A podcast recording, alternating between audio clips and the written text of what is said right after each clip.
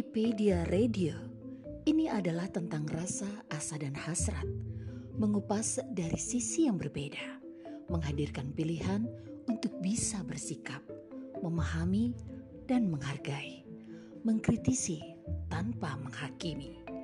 Ini adalah tentang kami, perempuan dengan segala dimensi, dunia yang teramat asik untuk diulik.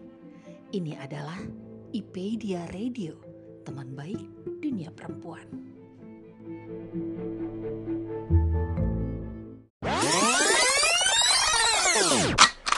Waduh, pertanyaannya ini dalam banget. Ya terakhir itu pas pas dia pasang ventilator ini itu terakhir. Kalau saya sih suka nulis itu sebenarnya sejak kecil. Uh, saya mau order buat ulang tahun uh, ibunda Bapak Jokowi Februari yang kemarin itu. Itu juga yang dibilang sama ibuku. Hanya orang-orang terpilih yang bisa menjadi suami MS. Serius masih di Rusia berarti tas tas itu? Iya betul. Kok Bu Mauri nekat-nekatnya sih bikin komunitas? Mereka berbagi tentang dirinya, tentang dunianya. Perempuan-perempuan keren yang penuh inspirasi. Ikuti obrolan seru mereka hanya di Kata Hati Ipedia Radio, teman baik dunia perempuan.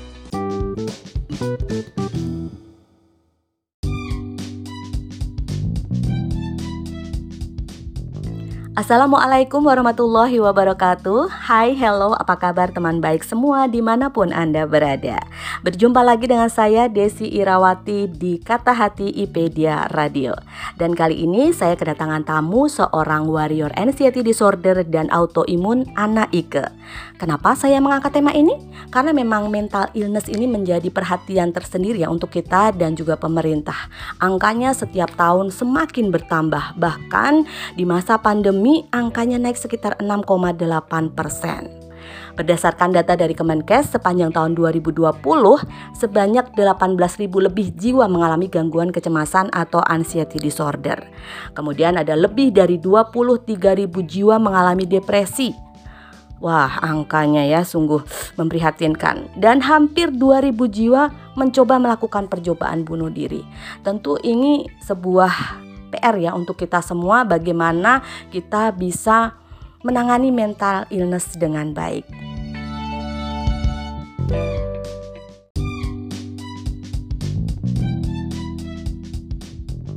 Bagaimana perjuangan anak Ike untuk hidup berdampingan dengan anxiety disorder dan autoimun? Kita dengar cerita selengkapnya di Kata Hati IPedia Radio, teman baik dunia perempuan.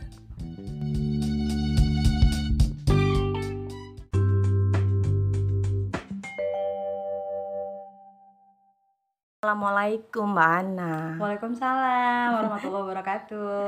Iya gimana nih kabarnya Mbak Ana? Alhamdulillah Mbak Desi baik banget. Uh, ba baiklah alhamdulillah. Iya, sekarang ini apa ngomong baby baru ya dan Iya. jaraknya lama dengan kakaknya Bener gitu. banget ya. ya. Jadi kakaknya 8 tahun ini, adiknya baru uh, 6 bulan. Mm. Berpengaruh nggak sih Mbak eh, ada serangan panik gitu anxiety-nya itu? Eh kalau eh, apa ya? Karena jadi kayak karena jaraknya lumayan ya 8 tahun kan lama ya. Jadi kerasa bener-bener jadi kayak ibu yang baru gitu. Jadi memang adaptasi lagi, bener-bener harus adaptasi lagi.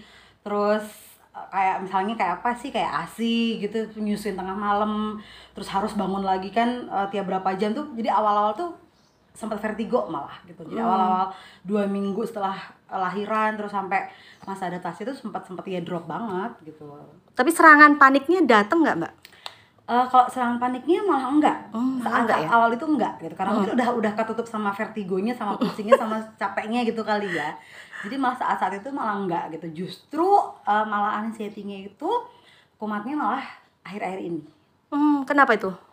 eh biasa kan ya gitu karena memang memang apa ya jadi anxiety itu kan dulu awalnya kalau dokter bilang kan memang dari pencernaan nih gitu jadi begitu ada satu hal yang memicu eh, memicu entah mungkin eh, ada apa sih kambuh apalah gitu kan udah langsung tiba-tiba pikiran jeleknya pasti naik lagi udah cemas lagi panik lagi stres lagi nangis nangis lagi terus apa namanya mesti eh, udah apa namanya kemarin sempat ngomong sama suami nih belum lama gitu kan bilang udah punya aku mau ke dokter lagi aku mau cek lagi aku mau eh, kalau bisa endoskopi endoskopi aku mau kolonoskopi udah kayak gitu lagi kumat lagi tuh.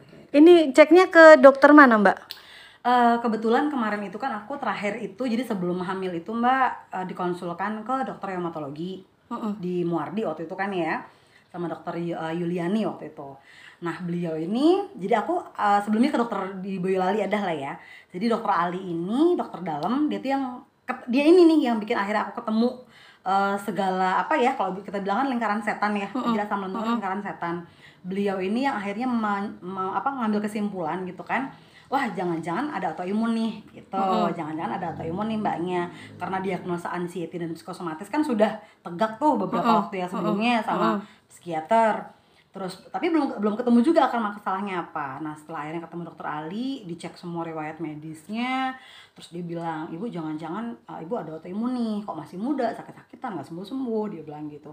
Uh, terus juga ada kasus keguguran terus gitu kan. Akhirnya terus dirujuklah ke Muardi itu ketemu sama dokter Yuliani ini ketemu sama dokter Yuliani.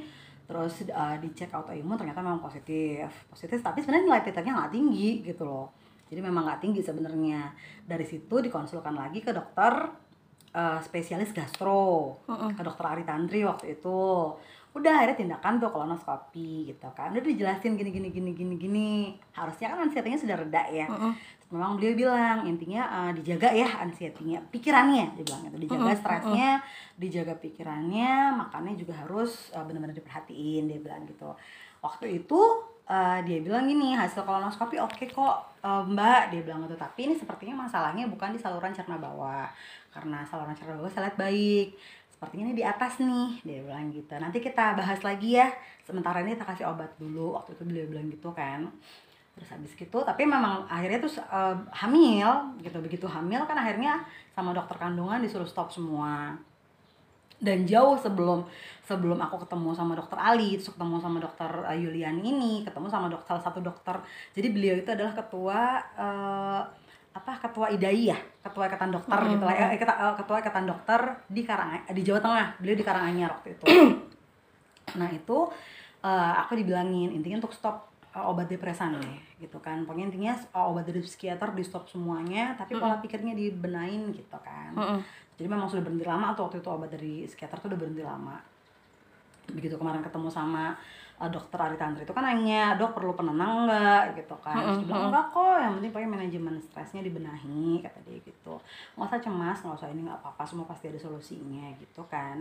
Ya udah itu baik-baik aja sampai kemarin lahiran tuh baik-baik aja. Terus nggak tahu tiba-tiba eh, karena kemarin tuh jadi pemicunya tuh denger eh, ada satu wawancara eh, apa sih live Instagram Mm. live Instagram Sosmed ya, terlalu banyak scroll sosmed ini berpengaruh nih Mbak. Nah itu dia gitu. Padahal aku tuh sudah sudah stop yang namanya googling mbak, udah nggak berani. Gitu. Googling tuh udah nggak berani.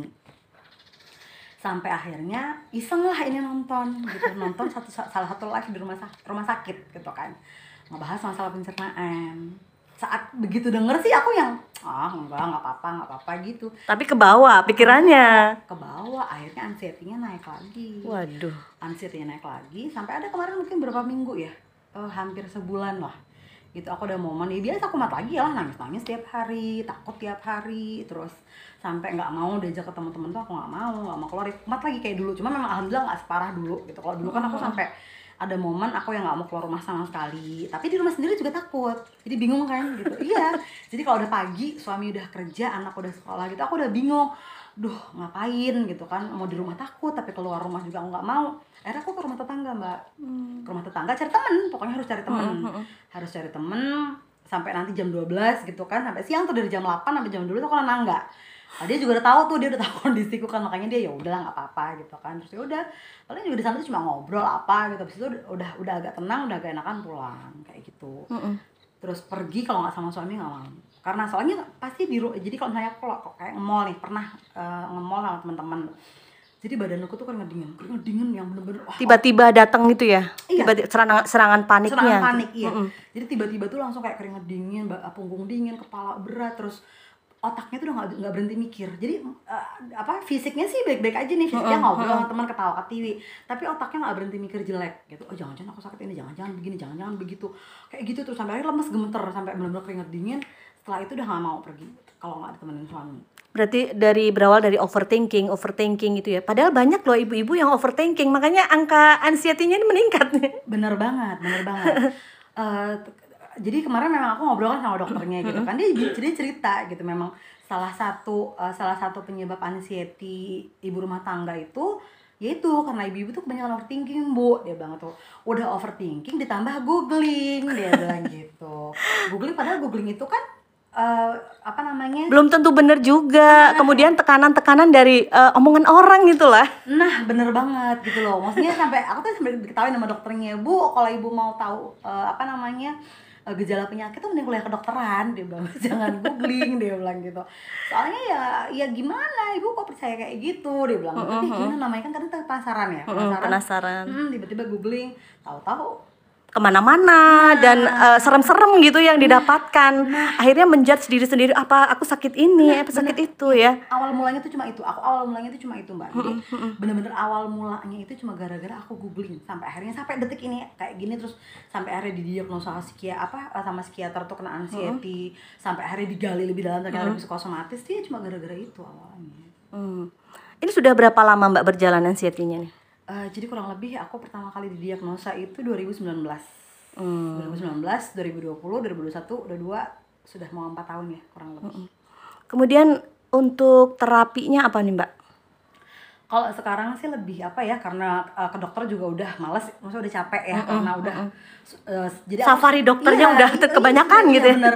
Jadi dari 2019 sampai 2021 awal sampai akhirnya hamil anak kedua ini itu aku nggak berhenti ke dokter. Jadi nggak bener-bener nggak berhenti ke dokter dari Boyolali, Solo, uh, Karanganyar berarti kan ya Sukoharjo tuh semua udah sudah aku cari. Jabanin lah ya. Ah, bener. Pokoknya kalau dibilang, nih dokter dalamnya ini rekomen, aku paranin kayak gitu kan. Udah akhirnya terus uh, kalau sekarang lebih lebih apa ya? Jadi em, kemarin itu gini. Jadi aku nonton nonton apa? Nonton uh, TikTok. Waktu itu nonton nonton VT lah. Di TikTok intinya gini, setiap kali pikiran buruknya itu muncul, uh, langsung istighfar. Langsung istighfar banyak-banyak, istighfar banyak-banyak sambil uh, kayak sugesti diri gitu loh. Maksudnya enggak, kamu nggak apa-apa, kamu nggak apa-apa, ini cuma panik, ini cuma uh, ketakutan semata, udah pokoknya sambil dibawa istighfar, istighfar kayak gitu, kayak gitu terus. Jadi uh, sama ya itu dilawan, pikiran jeleknya itu dilawan kayak gitu. Gampang enggak gitu loh. Maksudnya prosesnya nggak sehari dua hari seminggu dua minggu Iya, gitu iya. loh. Sampai bisa sampai bisa sedikit banyak tenang tuh ya tapi uh, memang harus dibarengi dengan pola Hidup. hidup ya, pola gitu. hidup yang sehat ya. Nah itu dia karena aku PR banget masih begadang, Hmm. masih begadang. Pantangan-pantangan yang seharusnya aku stop masih aku terjang itu jeleknya gitu. Jadi jangan ditiru nih kayak gitu. Makanan-makanan gitu ada pantangan gak sih? Eh, jadi memang kalau untuk penderita lambung kan memang harusnya ada banyak banget ya. Kayak misalnya kayak pedes nggak boleh, santan, tepung itu memang su- gula itu benar-benar harus di-cut gitu kan. Gluten free ya Iya, harus ya. gluten free bener gluten free sugar free gitu kan. Begitu juga kopi teh itu juga sebenarnya udah nggak boleh. Tapi aku masih itu semua masih masih diterjang gitu. Jadi memang apa namanya ya itu. Jadi memang harus kalau misalnya memang mau total harusnya pola makannya juga diubah banyak harus banyak sayuran dan buah juga terus kemudian juga pola tidurnya dijaga tapi sekarang aku mulai mulai ah, ini sih apa eh, nyempetin kalau pagi sama anak itu kan ngajak berjemur tuh gitu. jadi sambil Olahraga. Ah, sambil berjemur ya biasanya cuma keliling lah seenggaknya dua putaran gitu sambil jalan kaki karena memang kemarin tuh beberapa dokter kayak dok eh, jadi kan aku follow tuh banyak dokter dalam Ya, tetap ya sosmed nggak bisa berhenti ya. Tetep. tapi memang ada nih dokter dalam yang di dokter kakak namanya beliau di Jakarta kan itu nenangin banget gitu vibe-nya tuh enak banget. Jadi beliau bilang pokoknya kalau misalnya lagi uh, panik kata apa kena serangan panik langsung dibawa berjemur gitu. Dibawa berjemur pokoknya usahain air putih cukup tidur cukup berjemur olahraga tuh wajib gitu. Jadi udah sekarang kalau misalnya pagi gitu jam 9 jam 10 sama anak itu udah sambil muter-muter perumahan dua keliling tiga keliling itu kan udah lumayan ya kayak gitu. Terus ini juga mulai uh, pola hidup sehatnya juga udah mulai di kita coba lagi yuk gitu kan sama suami gitu apa namanya kayak mulai bikin salad terus bikin jus gitu sarapan buah juga udah mulai diupayakan lagi. Teknik pernafasannya gimana Mbak? kemarin iya kemarin juga diajarin tuh kan ada nih eh, aku lupa sih Eh, tapi kalau misalnya teman-teman yang asam lambung mungkin kenal dengan teknik ini. Jadi kalau nggak salah tuh eh, lim eh eh, empat 478. lim- ah, empat tujuh delapan Iya. benar jadi empat tarik nafas, Nafas. terus eh, Tujuh. tujuh tahan ditahan delapan eh, delapan hitungan, Hitungan. dilepaskan iya nah itu itu memang sangat membantu ternyata udah gitu kemarin sempat eh, ikut juga kelas apa namanya naturopati gitu kan. Itu juga diajarin tuh teknik eh, kayak eh, pernafasan sama kayak rilis emosi gitu. Jadi eh, sambil kayak nepuk-nepuk beberapa titik yang eh, diajarin gitu kan ya kayak kepala dada kemudian tangan belakang telinga kayak gitu itu eh, apa namanya sambil i- sebelumnya eh, apa eh, na- olah nafas dulu. Jadi Mm-mm, sebelum olah nafas. setelah olah nafas terus baru tuh eh, jadi kalau nggak salah waktu itu eh, pertama tuh kepala dulu kepala atas dulu terus nanti eh, samping mata hidung pokoknya semua organ tubuh itu sambil ketuk-ketuk itu sambil kita afirmasi. Jadi kayak misalnya oh iya tanganku sakit banget. Ini sakitnya sampai nggak bisa buat gerak. Kayak misalnya misalnya tangan nih kalau kalau kan karena lambung ya. Jadi iya kok perut kananku sakit. Pokoknya sambil ketuk-ketuk sambil kita ngomong. Sampai nanti akhirnya di sesi paling terakhir itu eh, meskipun aku sakit, meskipun perutku sakit sampai nggak bisa buat eh, mikir sehat, meskipun ketakutanku naik, tapi aku tetap menyayangi diriku sendiri. Jadi kayak kayak meditasi meditasi seperti itu diajarin kayak gitu, diajarin kayak gitu. Jadi ya lumayan lah, lumayan baik membantu kok meditasi meditasi kayak gitu. Terapi mindfulness terapi Hmm, benar, gratifikasi benar. gitu ya Bener, bener aku sampai ikut sampai ikut banyak kelas, kelas-kelas apa apa kan eh, kemarin tuh ikut kelas apa ya? eh, online juga nih kelasnya ya online semua, online semua karena memang Tetep ya, Ah, sosmed. Kemarin, kemarin kan pandemi ya gitu kan. Pas pandemi itu banyak kelas tuh dari Jakarta kayak gitu-gitu kan terus akhirnya udah ikutan tuh. Jadi kayak kelas ya udah eh, jadi diajarin kayak misalnya bikin jurnal gitu-gitu. Jadi kalau misalnya lagi cemas, udah nulis, pokoknya setiap hari ditulis. Yang hari ini misalnya hal lima hal yang membuat bersyukur hari ini apa, ditulis semuanya. Nanti lambat laun itu bakal membantu banget kok gitu. itu ini ya terbukti bisa mengurangi anxiety-nya ya Eh, sedikit banyak membantu. Jadi memang memang apa ya? eh, memang memang kalau udah kena anxiety itu apa ya Mbak ya bisa dibilang tuh apa ya? eh gimana ya? Susah ngejelasinnya, tapi yang jelas memang kayak udah kayak nggak bisa ngapa-ngapain sama sekali gitu loh. Jadi orang mau bilang, ayo bismillah, ayo semangat. Mau sejuta orang ngomong bismillah, sejuta orang ngomong semangat, sejuta orang nyemangatin, eh, ngasih ngasih apa ngasih bantuan dari luar kasarannya ya. Kalau dari kitanya sendiri nggak bisa manage, udah nggak mungkin jalan gitu. Jadi memang harus selain dari luar harus dari kita juga eh, ikut ikut nge kayak ngebantu nge-push diri sendiri lah gitu. Ya itu akhirnya tuh aku mulai begitu ada pikiran buruk itu langsung udah pokoknya langsung istighfar langsung istighfar banyak banyak. Pokoknya kalau, kalau karena kita muslim kan ya gitu udah pokoknya langsung istighfar banyak banyak. Terus ya itu tadi terus eh, apa masukin masukin sounding sounding pikiran yang positif itu tadi kayak gitu. Terus ya udah pokoknya apa yang dikasih tahu sama psikolog mbak gini coba ini eh, terapinya begini-begini menulis menulis tapi banyak yang tidak percaya gitu kalau Mbak Ana ini kena anxiety karena kan banyak ngomong, banyak ngobrol, ceria kayak gitu-gitu. Nah, ini gimana nih tanggapan dari teman-teman yang nggak percaya nih? Iya, jadi memang semua tuh eh, karena jadi pernah mbak. Jadi aku tuh waktu itu pernah MC, MC di satu event lah ya. Waktu itu ada ada event sama skincare gitu kan. Jadi itu tuh jadi semua orang tuh nggak tahu kalau jadi aku tuh gemeteran, aku gemeteran parah, keringat dingin parah, otakku udah nggak bisa diajak kerja sama. Tapi saat itu semua orang nggak tahu gitu loh. Ya, Taunya aku nge-MC baik-baik aja selesai gitu. Itu momen yang pertama. Momen yang kedua, aku ada lagi nge-MC lagi. Nge-MC lagi di eh, salah satu provider, provider handphone eh, kartu waktu itu. Nah itu juga eh, apa namanya? Tapi temanku komen. Jadi pas kita kita break habis sholat, itu kan otomatis makeup luntur dong ya gitu kan. Temanku komen, Mbak, kamu kenapa? Kok pucet banget mukanya? Gitu. Kok pucet banget mukanya lagi sakit? Dia bilang gitu. Tapi kamu baik-baik, maksudnya secara fisik kan baik-baik aja ya Mbak ya gitu kan. Akhirnya aku cerita kan. Jadi semua orang semua orang yang tahu eh, ternyata aku kena anxiety itu semua kaget gitu. Nggak mungkin ah nggak mungkin kamu sakit orang kamu baik-baik aja ketawa ketawa aja eh, statusmu oke oke aja jalan-jalan ke sana kemari hahi nongkrong masih jalan komunitas masih jalan kayak gitu. Jadi memang memang semua orang tuh nggak bakal percaya gitu. Jadi orang-orang dengan kalau orang eh, kebetulan aku punya teman yang kemarin autoimun kan dia juga dan lebih berat kasusnya dari aku. Tapi kemarin tuh kita ketemu dia baik-baik aja gitu. Dia baik-baik aja. Padahal dia uh, kondisi badannya lagi kumat lagi inflamasi. Sampai buat jalan aja katanya sakit banget gitu kan. Tapi saat itu dia uh, ya foto-foto ketawa-ketawa gitu kan. Dia sampai dia ngomong pokoknya kalau orang lihat kita tuh nggak bakal percaya ya kalau kita sakit dia bilang gitu. Ya karena memang itu tadi gitu. Uh, apa namanya kalau di depan orang ya baik-baik aja ketawa-ketawa aja. Padahal begitu begitu sampai rumah suamiku nih yang sampai komen kamu tuh kalau kayak gini terus aku ikut panik karena setiap saat aku kirimin WA mbak jadi aku WA gitu ya aku takut emot nangis ya aku takut emot nangis. Itu hampir setiap saat sampai dia ya dia kan kerja ya gitu sampai dia ngomong kalau kamu gini terus aku ikut panik kata dia gitu jangan kayak gini ya gimana? gitu loh Tapi Karena- ini tidak berkaitan dengan apa kepribadian ya, misalnya ekstrovert atau introvert seperti itu? sepertinya enggak ya karena kalau kalau- kalau bisa dibilang kan aku mungkin uh, ekstrovert yang jadi gini aku tuh senang ketemu sama banyak orang ya karena apa di lingkungan baru pun aku nggak ada masalah gitu. Cuma memang ada momen di mana aku nggak suka keluar rumah gitu. Jadi Mm-mm. kadang nyaman memang nyaman. Yaudah mau di rumah aja ngejogrok sendirian apa baca buku kek ngapain kek. Pokoknya cuma di rumah nggak mau keluar ke mana-mana gitu kan. Tapi begitu ada teman ayo ngajakin nongkrong. Dan ketemu dengan orang-orang yang tepat gitu aku semangat gitu. Loh ayo nongkrong ke mana? Jalan gitu kan.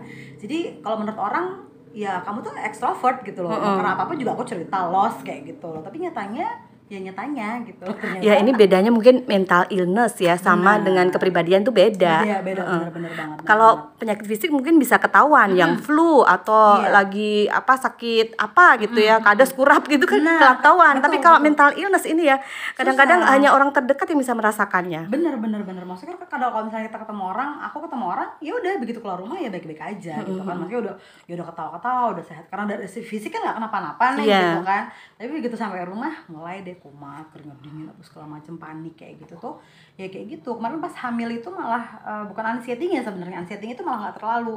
Tapi inflamasi jadi peradangannya yang naik.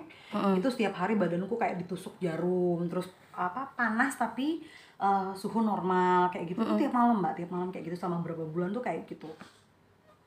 Sampai aku tuh tidur nggak berani di AC karena nggak enak. Gitu. jadi aku kalau tidur tuh ya di sini nih di ruang tengah ah, di depan TV gitu pisah sama suami sama anak gitu. Karena nggak bisa gitu nggak Terus bisa. banyak statement yang bilang harus mendekatkan diri kepada Tuhan gitu. Gimana ini Mbak? Tahu gak sih mbak, aku tuh sampai di komen loh sama orang Jadi aku tuh di komen sama kan aku uh, bikin uh, thread ya di Twitter gitu kan. Dan ternyata banyak yang respon gitu kan. Ternyata memang banyak nih yang kena anxiety gitu loh. Jadi mereka tuh sampai nanya mbak gimana sih cara yang ngatasin anxiety? Mbaknya sekarang udah sembuh belum? Masih apa kayak gitu mereka pada curhat. Kan aku seneng ya jadi kayak Iya. Mereka tuh ngomong tahu gak sih mbak aku tuh kalau nemu kayak gini tuh aku seneng karena aku nggak merasa sendirian Iya, dia bilang gitu. aku nggak gila sendirian nih dia bilang gitu aku bikin thread tuh di Twitter tuh. Di komen dong sama orang ini gitu.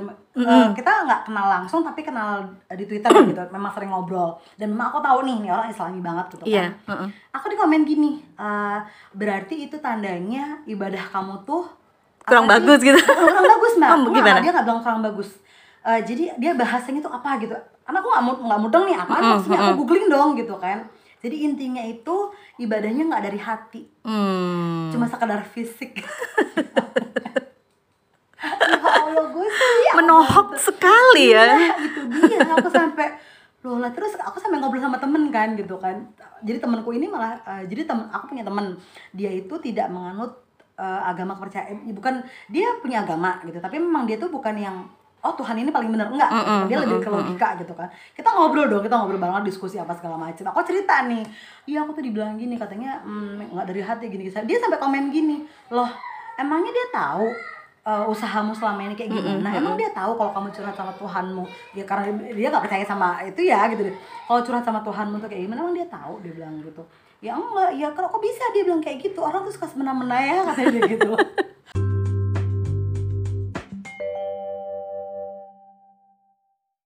Pernah ada cerita nggak Mbak pengobatan alternatif yang dilakukan Mbak Ana di samping melakukan pengobatan-pengobatan secara medis? sampai ketemu dia temennya suami nih gitu. Ketemu temennya suami. Rukia lah kita kasih tuh di daerah Cipogo waktu itu. Ya itu sampai eh, dari sana tuh eh, apa eksorsisme lah ya. Jadi kalau di luar negeri tuh eksorsisme pengusiran setan gitu kan ya. Itu tuh kayak di TV-TV mbak gitu. Jadi bener-bener yang yang aing jadi maung gitu lah ya gitu. Ada perantara eh, dia berubah jadi ular dia berubah jadi macan kayak gitu. Aku tuh jadi mau ketawa. Ya aku Gimana? ya gitu kan. Aku dibantu gitu kan. Nggak ketawa. Tapi aku mikir oh berarti kalau di TV TV itu kayak begini. Gitu. iya kayak gitu gitu bener-bener. Jadi mereka sampai ada yang melakukan adegan kayak uh, perang dengan makhluk gaib sampai terus sampai perantara perantara yang kemasukan jinnya ini sampai pingsan. Sampai kayak gitu gitu loh. Aku sampai jadi aku tuh sampai eh wah sangar nih gitu. Maksudnya wah jinku hebat juga ya gitu sampai kayak gitu gitu gitu loh. Terus sampai akhirnya tengah malam disuruh mandi kembang. Aku nurut dong jadi ny- nyampe rumah tuh bilang mbak abis ini mandi ya beli kembang uh, beli kembang pokoknya beli nyari kembang di pasar itu kan. Dan kalau bisa sama daun kelor. Aku nyari mbak tengah malam bayangin gitu kan. Jam 12 nyampe rumah tuh aku mandi bener-bener aku mandi kembang tengah malam. Udah kayak lagunya Meggy Z apa siapa tuh mandi kembang tengah malam. Ya udah Pokoknya gitu. semua usaha Aku dilakukan ya. sampai akhirnya ketemu eh, apa rukiah yang syari kan yang ustadz dan ustadzah di daerah eh, deket Mayang itu Gawo situ ya udah aku diomelin dong gitu. Mbak itu tuh bukan rukiah syari gitu. sampai digituin. Apa namanya itu tuh nggak boleh kayak gini-gini. Ya mana aku tahu ya gitu kan namanya. Kita kan namanya udah buntu ya namanya orang anxiety itu kalau udah buntu pasti apa aja dilakuin biar sembuh gitu kan. Makanya aku sampai sampai bilang aku tuh paham oh, sekarang aku di posisi ini paham kenapa kalau ada orang sakit kok sampai putus asa sampai putus asa sampai ya mohon maaf ya sampai ada yang bunuh diri karena sakit menaun. Karena memang seperti ini rasanya gitu. Aku tahu nih hopeless putus asanya sampai segala macam apa pun pengobatan dicari dikejar ya karena ya itu tadi gitu loh. Karena kok sakit nggak sembuh sembuh sakit nggak sembuh sembuh sampai kayak gitu. Iya, mungkin ya ujiannya seperti ini Nah, memang ya. dia betul betul, betul. makanya sampai akhirnya udah sampai ketemu ustadz yang ini sampai terus sempat lagi mau ketemu ustadz yang satu lagi nih rekomendasi dari temen juga. Jadi kalau ada temanku cerita iya kok kemarin habis rukiah sama ustadz Coba. ini bagus. Ya aku bilang di mana di mana? Aku kejar aku kejar. Aku sampai kayak gitu mbak. Sampai ustadznya aku suruh ke rumah ustadz aku mau rukiah rumah sampai kayak gitu. Sampai kayak gitu banget gitu loh sampai kayak gitu. Makanya terus habis itu ya itu lama-lama tapi nggak sembuh juga gitu loh. Eh, begitu ketemu saat ketemu dengan ustadznya reda nih. Sama seperti kita aku ketemu dokter. Jadi begitu dokternya jelasin gini gini gini gini aku lega. Logis. Ah, logis lega gitu tenang. Tapi begitu sampai rumah ngereok lagi. Kumat lagi ya udah gitu lagi gitu. Jadi memang memang harus dari pengendalian dirinya sih. Jadi ya harus benar-benar dari dalam hatinya kita yang ya udah gimana caranya nih eh, buat bukan ngalahin sih karena ya intinya menenangkan anxiety-nya itu Berarti tadi, emang harus gitu. eh, siap hidup berdampingan dengan anxiety disorder bener ya. banget bener banget bener banget. Jadi memang eh, karena kalau misalnya mau dihilangin 100% juga susah ya. Karena begitu ada pemicu kayak aku nih uh, sudah ber- kemarin abis lahiran tuh smooth banget mbak. Aku sampai ngerasa iya alhamdulillah nih abis lahiran kok sehat udah nggak pernah kumat nggak pernah takut nggak pernah cemas kayak gitu kan. Even punya anak baru pun aku bisa survive gitu. Cemas-cemasnya ya masih standar lah ya gitu kan. Baby blues juga enggak gitu kan tapi begitu ada pemicu satu aja langsung naik semua anxiety-nya cemas lagi berhari-hari soalnya kalau udah kalau udah kecolek anxiety itu tuh nggak cuma sehari dua hari mbak jadi nggak bisa sehari kalau misalnya sakit kepala minum obat sembuh udah sehari paling panjang ya. Ah, Ya itu tadi berdampingan, sampai- memang iya, harus betul, berdampingan. betul. bisa sampai Gitu. seminggu dua minggu sebulan kalau kitanya nggak kitanya yang oh eh, istighfar Bismillah. Pokoknya ini aku kenapa-napa. Ini punya pikiran cemas. Yuk kalau misalnya memang mau di ini ya udah pola makannya diubah pola hidupnya dulu istirahatnya juga dibenahi. Kalau nggak kita yang kayak gitu ya nggak bakal sembuh. Iya, dan di luar sana ternyata angka anxiety itu semakin bertambah dari hari ke hari dan kebanyakan memang wanita ya yang menderita anxiety disorder ini. Nah, ini apa pesan dari Mbak Ana untuk teman baik tentang anxiety ini? Oke, jadi eh, yang jelas gini, yang pertama kali pertama kali saran saya adalah jangan googling. Jangan asal googling itu dulu ya gitu. Jadi misalnya eh, saat ini sedang menderita kecemasan apa pun itu karena perempuan itu kan rentan ya Mbak ya. Perempuan seorang Main ibu perasaan. terutama iya, seorang ibu tuh rentan banget sama perasaan. Karena apa? Eh, aku aja yang misalnya posisinya punya kegiatan ya. Jadi masih masih berkomunitas, suami juga sangat helpful, kemudian juga membebaskan aku misalnya bilang "Eh, ya aku mau nongkrong sama teman-teman silakan me time monggo silakan anak aku jagain yang kayak gitu aja masih kena anxiety gitu apalagi yang ibu-ibu yang mungkin harus 24 jam di rumah ngurus anak ngurus suami. Bener-bener nggak bisa ke mana-mana nggak punya teman. Itu akan sangat-sangat rentan. Tapi kadang mereka nggak sadar gitu. Karena mereka nggak punya teman curhat gitu kan. Nah jadi itu tadi pertama jangan asal googling. Pokoknya kalau misalnya memang ngerasa udah capek udah bener-bener entah sakit apa atau mungkin ada gejala apa yang dirasa jangan googling. Mending langsung ke ahlinya. Entah mau ke psikiater entah mau ke psikolog entah mau ke dokter. Kan sekarang juga banyak nih kayak apa sih aplikasi kesehatan online ya gitu. Misalnya yang yang lebih murah dibanding kita ketemu langsung ke rumah sakit gitu kan ya. Bolehlah dicoba dulu di situ gitu kan. Nah itu itu satu. Dan kedua kalau misalnya sudah mulai ngerasa eh, cemas berlebih mulai ada gejala-gejala biasanya tuh gini katanya kalau orang uh, ada anxiety itu beberapa gejalanya di antaranya adalah malas ngapa-ngapain maunya tidur terus takut untuk keluar rumah takut untuk berinteraksi. Terus apa namanya ya itu terus uh, jadi pikirannya nggak bisa diajak kompromi kayak gitu kan. Kalau misalnya udah beberapa mungkin uh, teman-teman udah ngalamin ada beberapa gejala yang dirasa gitu jadi biar nggak semakin memburuk itu mulai dari mulai dari diri sendiri dulu gitu. Pokoknya yakinin diri Bismillah istighfar istighfar istighfar. Kalau kalau muslim gitu ya apa namanya eh, jangan sampai keterusan gitu loh. Jadi mulai langsung di cut lah di cut sebisa mungkin di cut gitu kan. Pokoknya banyak eh, sounding positif ke diri sendiri. Aku nggak apa-apa aku nggak apa-apa aku nggak apa-apa. Kayak gitu. Itu harus banget gitu. Jangan sampai keterusan. Itu. Kalau kalau misalnya memang sudah terus sudah mulai kok eh, sudah mulai sounding nggak bisa terus eh, berjemur nggak bisa olahraga juga nggak bisa ngubah pola makan kok masih terus memburuk berarti itu sudah saatnya ketemu sama ahlinya gitu. Terserah mau ke mana eh, teman mungkin percaya ke psikiater ya monggo ke psikiater ke psikolog ya psikolog monggo. Yang jelas pokoknya jangan sampai kebablasan Oke, terima kasih. Quote of the day dong. Eh, quote of the day apa ya? Eh, pokoknya jangan lupa untuk selalu bersyukur bersyukur bersyukur dan bahagia. Gitu intinya pokoknya itu. Eh, bahagia sehat terus eh, jaga pola makan tolong ya. Itu penting banget. Jangan saya kayak jangan seperti saya gitu. Pokoknya intinya satu bersyukur. Dua bahagia. Ketiga sehat. Pokoknya kalau udah udah punya ketiga ini eh, insya Allah semua pasti akan baik-baik aja Oke, terima kasih Mbak Ana. terima kasih juga mbak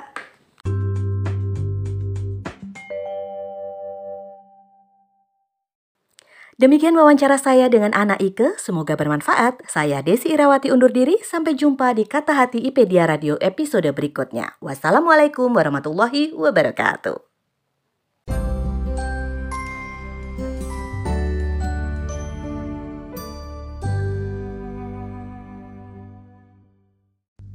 Terima kasih telah mendengarkan episode kali ini. Tetap stay tune di IPedia Radio, teman baik dunia perempuan. Terima kasih telah mendengarkan episode kali ini. Tetap stay tune di IPedia Radio, teman baik dunia perempuan.